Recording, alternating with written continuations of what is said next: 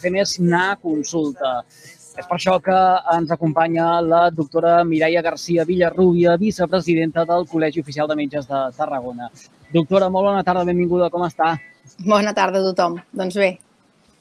Uh, avui, la secció que fem cada 15 dies amb vostès l'encarem amb l'estiu. De fet, uh, ens trobem ja de ple en aquesta època de l'any uh, que molts esperen per poder marxar de vacances, però alhora una època de l'any que eh, també ens incomoda per aquestes calorades que arriben, per aquestes eh, solanes que cauen a les 4 de la tarda i que fa que haguem de prendre algunes precaucions. I vostès, sobretot des de l'atenció primària, intenten fer molta pedagogia no?, en tot això. Doncs sí, realment hi ha programes i tot que nosaltres hem d'informar sobretot a la gent eh, més vulnerable, no? sobretot els majors de 75 i els infants menors de 4 anys, no? de, de tot el que és això, de què, què vol dir onada de calor, què vol dir cop de calor, què és el que heu de fer, què és el que s'ha de fer, per evitar que després vingueu a urgències, que realment ens hi trobem no? i realment tenim consultes per a aquest tema. Ah, som conscients, eh, eh, la ciutadania en general, del que signifiquen aquestes eh, temperatures altes i que potser en època de l'any cal evitar segons quines activitats eh, a l'aire lliure en unes hores concretes? Doncs jo crec que conscientment no ho som, perquè moltes vegades no, només sortir al carrer segons quines hores i veure què fa la gent, es veu molt clar que la gent no li ha donat mai un cop de calor. I moltes vegades també quan venen a la consulta venen mm, consultant i no em diuen m'ha donat un cop de calor o, o he estat moltes hores al sol. Realment la gent ve doncs, perquè tinc molt de calor, perquè em trobo malament, perquè tinc febre i no sé per què i no tinc cap altre símptoma, perquè realment estic com a tremolosa i no sé què em passa. I llavors quan comences a investigar i a instigar a veure què és el que ha passat, te n'adones doncs, que potser ha estat tot el dia a la platja, que ha estat de 12 a 2 treballant, en ple sol i no, no ha portat ni barret ni ha portat cap mena de precaució, no? Uh, si no seria, jo crec que la gent seria molt més conscient i quan vingués a urgències diran mira, doncs he estat al sol i m'ha passat això, no? Eh, li volem buscar excuses i buscar altres eh, perquès, no? I en canvi no som conscients de que la calor pot fer molt de mal. Va, ja que hem entrat amb uh, la, la calor i hem dit això del, del cop de calor, què és exactament un cop de calor, doctora? Doncs un cop de calor és, és, és un efecte que, que fa dins del cos eh, quan una persona perd el que és la temperatura corporal i augmenta tota aquesta temperatura corporal. Fins i tot pensem que la febre eh, ens indica bàsicament una infecció, no? ja sigui virus o bacteriana, ara que coneixem tots aquests termes, però realment febre ens pot donar un cop de calor, és a dir, estar moltes hores eh, sota el sol i no tenir cap mena de precaució, no tenir cap mena de mesura, no? Eh, això ens pot posar febre, ens pot posar febre, ens pot portar altres coses com tremolors sense saber què ens passa, ens pot portar vòmits i nàusees, marejos, sensació de que no et trobes bé com inestabilitat i no saps per què, no? eh, doncs, totes aquestes coses que a vegades no sabem, estic rar i no sé què em passa, no? O hi ha gent que arriba a les nits i potser està tot el dia al bat de sol treballant o a la, o a la platja i arriben amb, amb, amb molts símptomes estranys que no els saben identificar, no te'ls saben identificar amb, amb, amb res concret i realment és això. Hmm. Jo avui aquest migdia em documentava una mica entorn d'aquestes qüestions que aquesta tarda volem tractar uh, amb vostè i, i llegia d'una banda cop de calor i de l'altra lipotímia. Uh, però... Uh, um, la lipotímia en si és... Agafa, a, a, a, és quan, quan, Sí, bueno, la lipotímia és quan realment hi ha un mareig, com si diguéssim, i causa al terra, per, per dir alguna cosa, no? És el que tots coneixem, oh, un mareig, una, un, un veí a vegades, no? Eh, I realment la gent cau al terra i hi ha alguna cosa més. I el cop de calor pot ser que vingui, el cop de calor et pot donar una lipotímia o et pot donar altres temes, no? Fins i tot pots anar a la UCI i, i, és un, i, i, té una mortalitat, no? També, en segons quines, quines persones, en quins grups, per això et deia els vulnerables, i hi ha un tant per cent de, de mortalitat a l'estiu per cops de calor, simplement.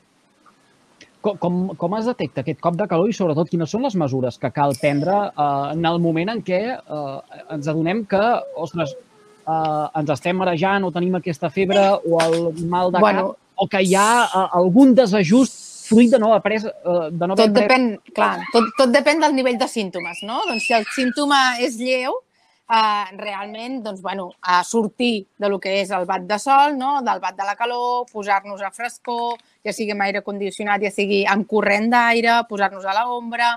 Sí, són coses molt lleus. Si no, segurament que heu d'anar a un centre sanitari. Per què? Doncs perquè tot això comporta, aquest augment de temperatura, comporta una deshidratació, una pèrdua d'ions, una, una alteració a nivell de tot el que és el cos i una fallada orgànica, no? que és això el que diem, que al final hi ha gent que arriba, pot estar a la UCI, fins i tot una, una mort, no? perquè realment pot haver un fallo orgànic que passi això. Llavors, és sobretot en etapes extremes, que és quan el cos és més vulnerable i pot arribar a passar aquestes coses. No? Mentrestant, sobretot, sortir del bat de sol, sortir de l'alta temperatura, anar a la fresca o sigui aire condicionat, sigui corrent d'aire i molta hidratació, que és la base de tot plegat. Beure molt de líquid, que a vegades, no? a vegades no, o no som conscients o ens apeteix potser més una cervesa o alguna cosa més fresqueta i a vegades necessitem més hidratació forçada, que és aigua, bàsicament. Mm, uh, compte, eh? Vull dir, estem parlant de quelcom uh, seriós. Jo crec que la secció d'avui anirà molt bé uh, de cara a tots aquells que, ostres, no siguin uh, conscients de la importància de uh, prendre mesures uh, davant d'aquestes altes temperatures o aquest bat de sou que cau uh, habitualment en aquesta època. Dic habitualment perquè avui uh, el temps és força sí. tapat. Doctora, eh, no es preocupi, que sé que s'està preocupant perquè la conciliació eh, eh, familiar ara en aquesta època de l'any... Eh, ja ho sentiu, estic així no, com puc, no però... Pateixi, no, no pateixi, això també és eh, eh ràdio. Forma part del, del, del cada dia. Eh, to, tots estem també en aquesta situació ara que uh, l'activitat lectiva a les escoles ha, ha, ha acabat.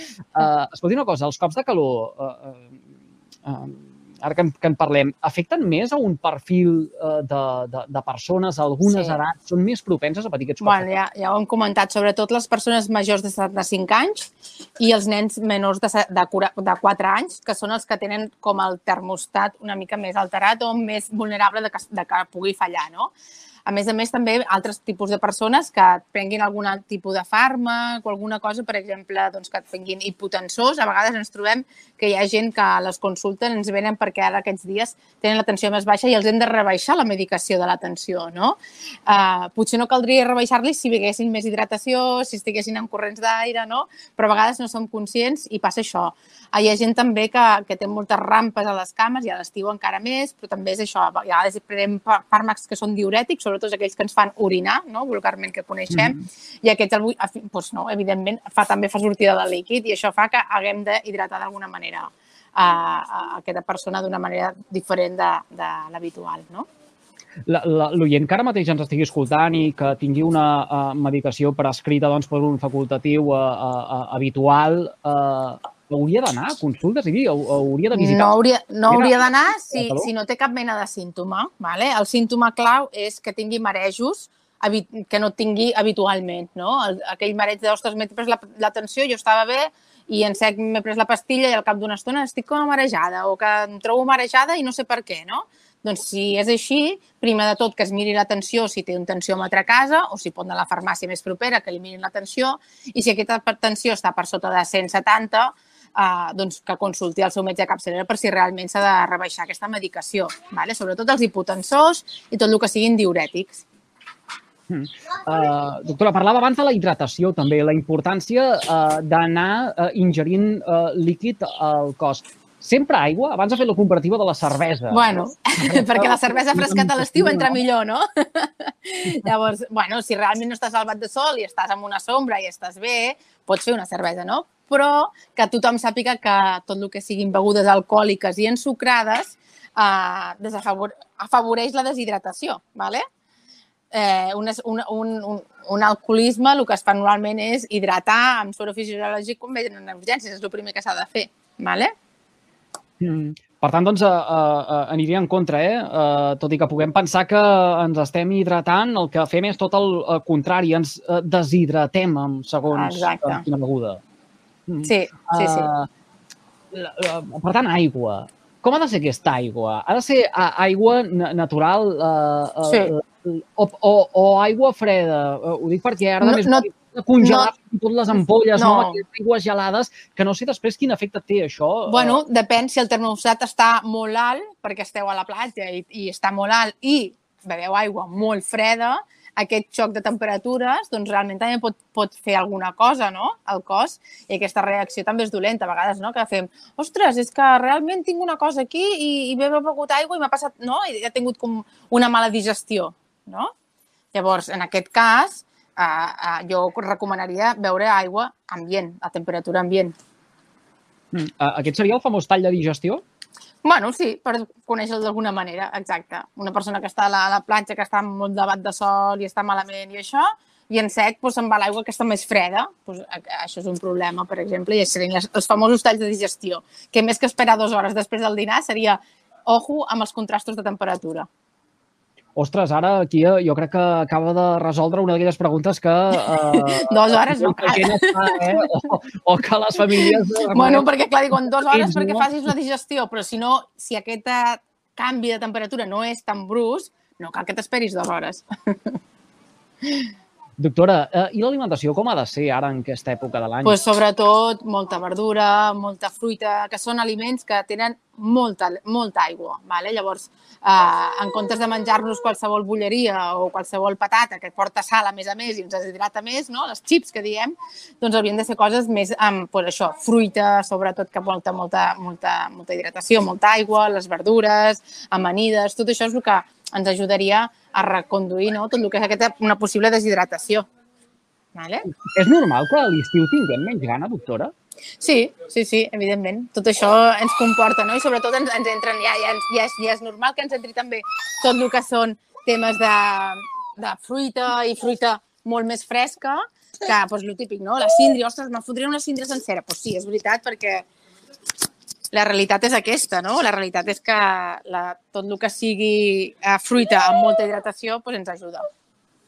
Mm. Doctora, li vull preguntar també per uh, les cremades del sol, és uh, quelcom que cal vigilar també ara en aquesta època de l'any. Ens hem centrat en els cops de, de calor, en les uh, lipotímies, ara tot just fa una estona. Hem estat parlant de la hidratació, de l'alimentació, dels talls de digestió, molt important, però també protegir-se dels de, uh, rajos del sol. Sí, dèiem abans de protegir-nos del, del sol per, pel tema de la hidratació, però és que no només portar barrets i, i protecció solar, sinó que és que uh, el que hem de fer és protegir-nos del sol per les cremades, perquè és que en veiem moltes, o sigui, gent que ve a urgències perquè s'ha cremat, no? I els veus, els típics gambes que dius pel que veus al saló, no? Com vas, que són blancs i en sec d'un dia per l'altre estan vermells i no surten del sol, no? I veus gent que està al sol, que està vermella i continuen al sol i dius, ostres, això no pot ser. Per què? Perquè és que això és la primera cremada de la pell, no, que diguéssim, i després això el, està calentant el nostre cos, amb la qual la nostra temperatura corporal està augmentant i ens pots produir també un cop de calor. És una de les causes primeres, no? Llavors, protegir-nos ja sigui amb barrets, amb, amb protecció solar amb crema, però és que també ara hi ha moltes, molta... Jo volia fer una bo, no?, de, de tot el que és la ropa de protecció, que els infants sobretot hi ha banyadors amb protecció solar 50 i pels grans també hauria de tenir. Eh? I, I jo crec que és, no només la gent que va a la platja, que parlem molt de la gent que estiueja a la platja, sinó que també hauríem de pensar en tota aquella gent que ha de treballar i ha de treballar al bat de sol i no podem canviar el lloc de treball, no? El típic que diuen, pues prevenció de riscos laborals que et canviï de lloc de treball. Perdona, és que el meu treball és al sol. No? Mm i acabem de perdre la connexió amb la doctora Mireia Garcia Villarrubia, amb qui estàvem parlant eh, de la protecció solar, no? Eh, quan eh, hi ha aquests bats de sol ara, en aquesta època de l'any, eh, s'ha d'evitar acabar com gambes. Ho, ho explicava, jo crec, d'una manera molt eh, visible per eh, tothom. Tothom se'n pot fer una, una idea. Hem recuperat la connexió amb la doctora Mireia García Villarrulla. Perdoneu, eh, que m'han trucat. Del Col·legi Oficial de Metges de, de Tarragona. Cap, cap problema. Uh, doctora, uh, si arribem tard, uh, si ens trobem amb aquestes cremades, quina és la millor manera uh, d'actuar? Segurament que haurem vist en farmàcies, fins i tot en centres comercials, que al costat de les cremes solars hi ha aquelles que serveixen per uh, després, no? Les que anomenem Exacte. Aplicat. Bueno, els after suns, sí, evidentment està bé, però sobretot és molta hidratació. Tornem a lo mateix, eh? I la hidratació corporal com se fa? Doncs amb una bona dotxa d'aigua tèbia, no aigua freda tampoc, no cal l'aigua freda, tornem als canvis de temperatura bruscos, sinó un, un canvi de temperatura de ser gradual i això és el mateix, doncs una bona dutxa freda o un bany amb aigua, immersió, que dic jo, no? perquè les cremades les tractem així, no? amb immersió d'aigua per hidratar aquella pell que, que s'ha malmès i sí que a posteriori no? sí que faria aquesta hidratació forçosa amb l'aftersun o també el que és molt bo és tot el que sigui amb aloe, productes amb aloe vera, perquè porten una hidratació màxima i, i va molt bé. Realment és, és, és, són cremes amb, amb aloe vera 100% que hidrata molt el cos. Ara tot just fa una estona parlava de, de, dels infants, eh, dels eh, nadons. Eh, hauríem de reivindicar que hi hagués algun tipus de normativa que, per exemple, permetés entrar en eh, recintes destinats al bany, com, eh, per exemple, piscines amb samarretes per evitar això? O una samarreta no significa res? Abans parlava d'aquesta mena de tratges que eh, semblen de, de neoprè, no? Uh... Bueno, són, és, és roba de, amb roba de banyador mateix, que ja té una, un factor de protecció 50, no? Això ho podem trobar a totes les botigues i n'hi han de més o menys preus, però ara ja estan bastant extesos i realment s'està utilitzant molt, no? Uh, els refugis climàtics. Jo crec que parles una mica més també dels refugis climàtics i, i de la importància de que hi hagin a totes les ciutats refugis climàtics perquè tothom hi pugui anar, no? Que dèiem, hi ha gent que, hi pot, que pot tenir aquesta climatització i pot tenir llocs on, on pogués resguardar, però hi ha gent que no, no? Doncs sí, sí, evidentment que per evitar tot el que sigui cop de calor i en aquests moments onades de calors que tenim tan, tan bèsties, doncs hauria de ser un punt clau en, en, en, en, a nivell polític, no? Una última pregunta, uh, doctora, uh, i ja la deixo tranquil·la. Vostè i a la família. Uh, algun altre consell que haguem de contemplar més enllà del que uh, hem explicat, alguna coseta que hauríem de tenir en compte per gaudir d'un bon estat de salut uh, i, i alhora que no ens ressentim de cara al futur? Bàsicament és el que hem dit, no? Protecció de la calor, eh, quan se pugui estar sempre a la sombra, evitar les hores puntes de 12 a 5 que és allà on la intensitat solar doncs, és, més, és més elevada, no? A més, eh, també es pot mirar ara mateix, amb tot, tots tenim, no? Hi ha molta gent que té els mòbils i hi ha la intensitat de la ultraviolada, que jo crec que és important també que, que ho, ho valorem, no? Que a vegades veiem, oh, doncs està núvols. Doncs pues no cal, doncs sí, sí que cal, perquè a vegades està núvol, però el sol continua estant darrere dels núvols, no? I això és important que el tinguem en compte, no? Sobretot, el de 12 a 5, eh, que si es pot no sortir al carrer, evitar aquestes zones, i molta hidratació, que és el, més important de tot. Doctora, gràcies per atendre la invitació del carrer Major de les emissores de la xarxa de Tarragona una vegada més. Eh, deixem que pugui estar per la família que la, la reclamen i amb raó. De res, cap problema, aquí estem. Que vagi molt bé. Que vagi molt bé.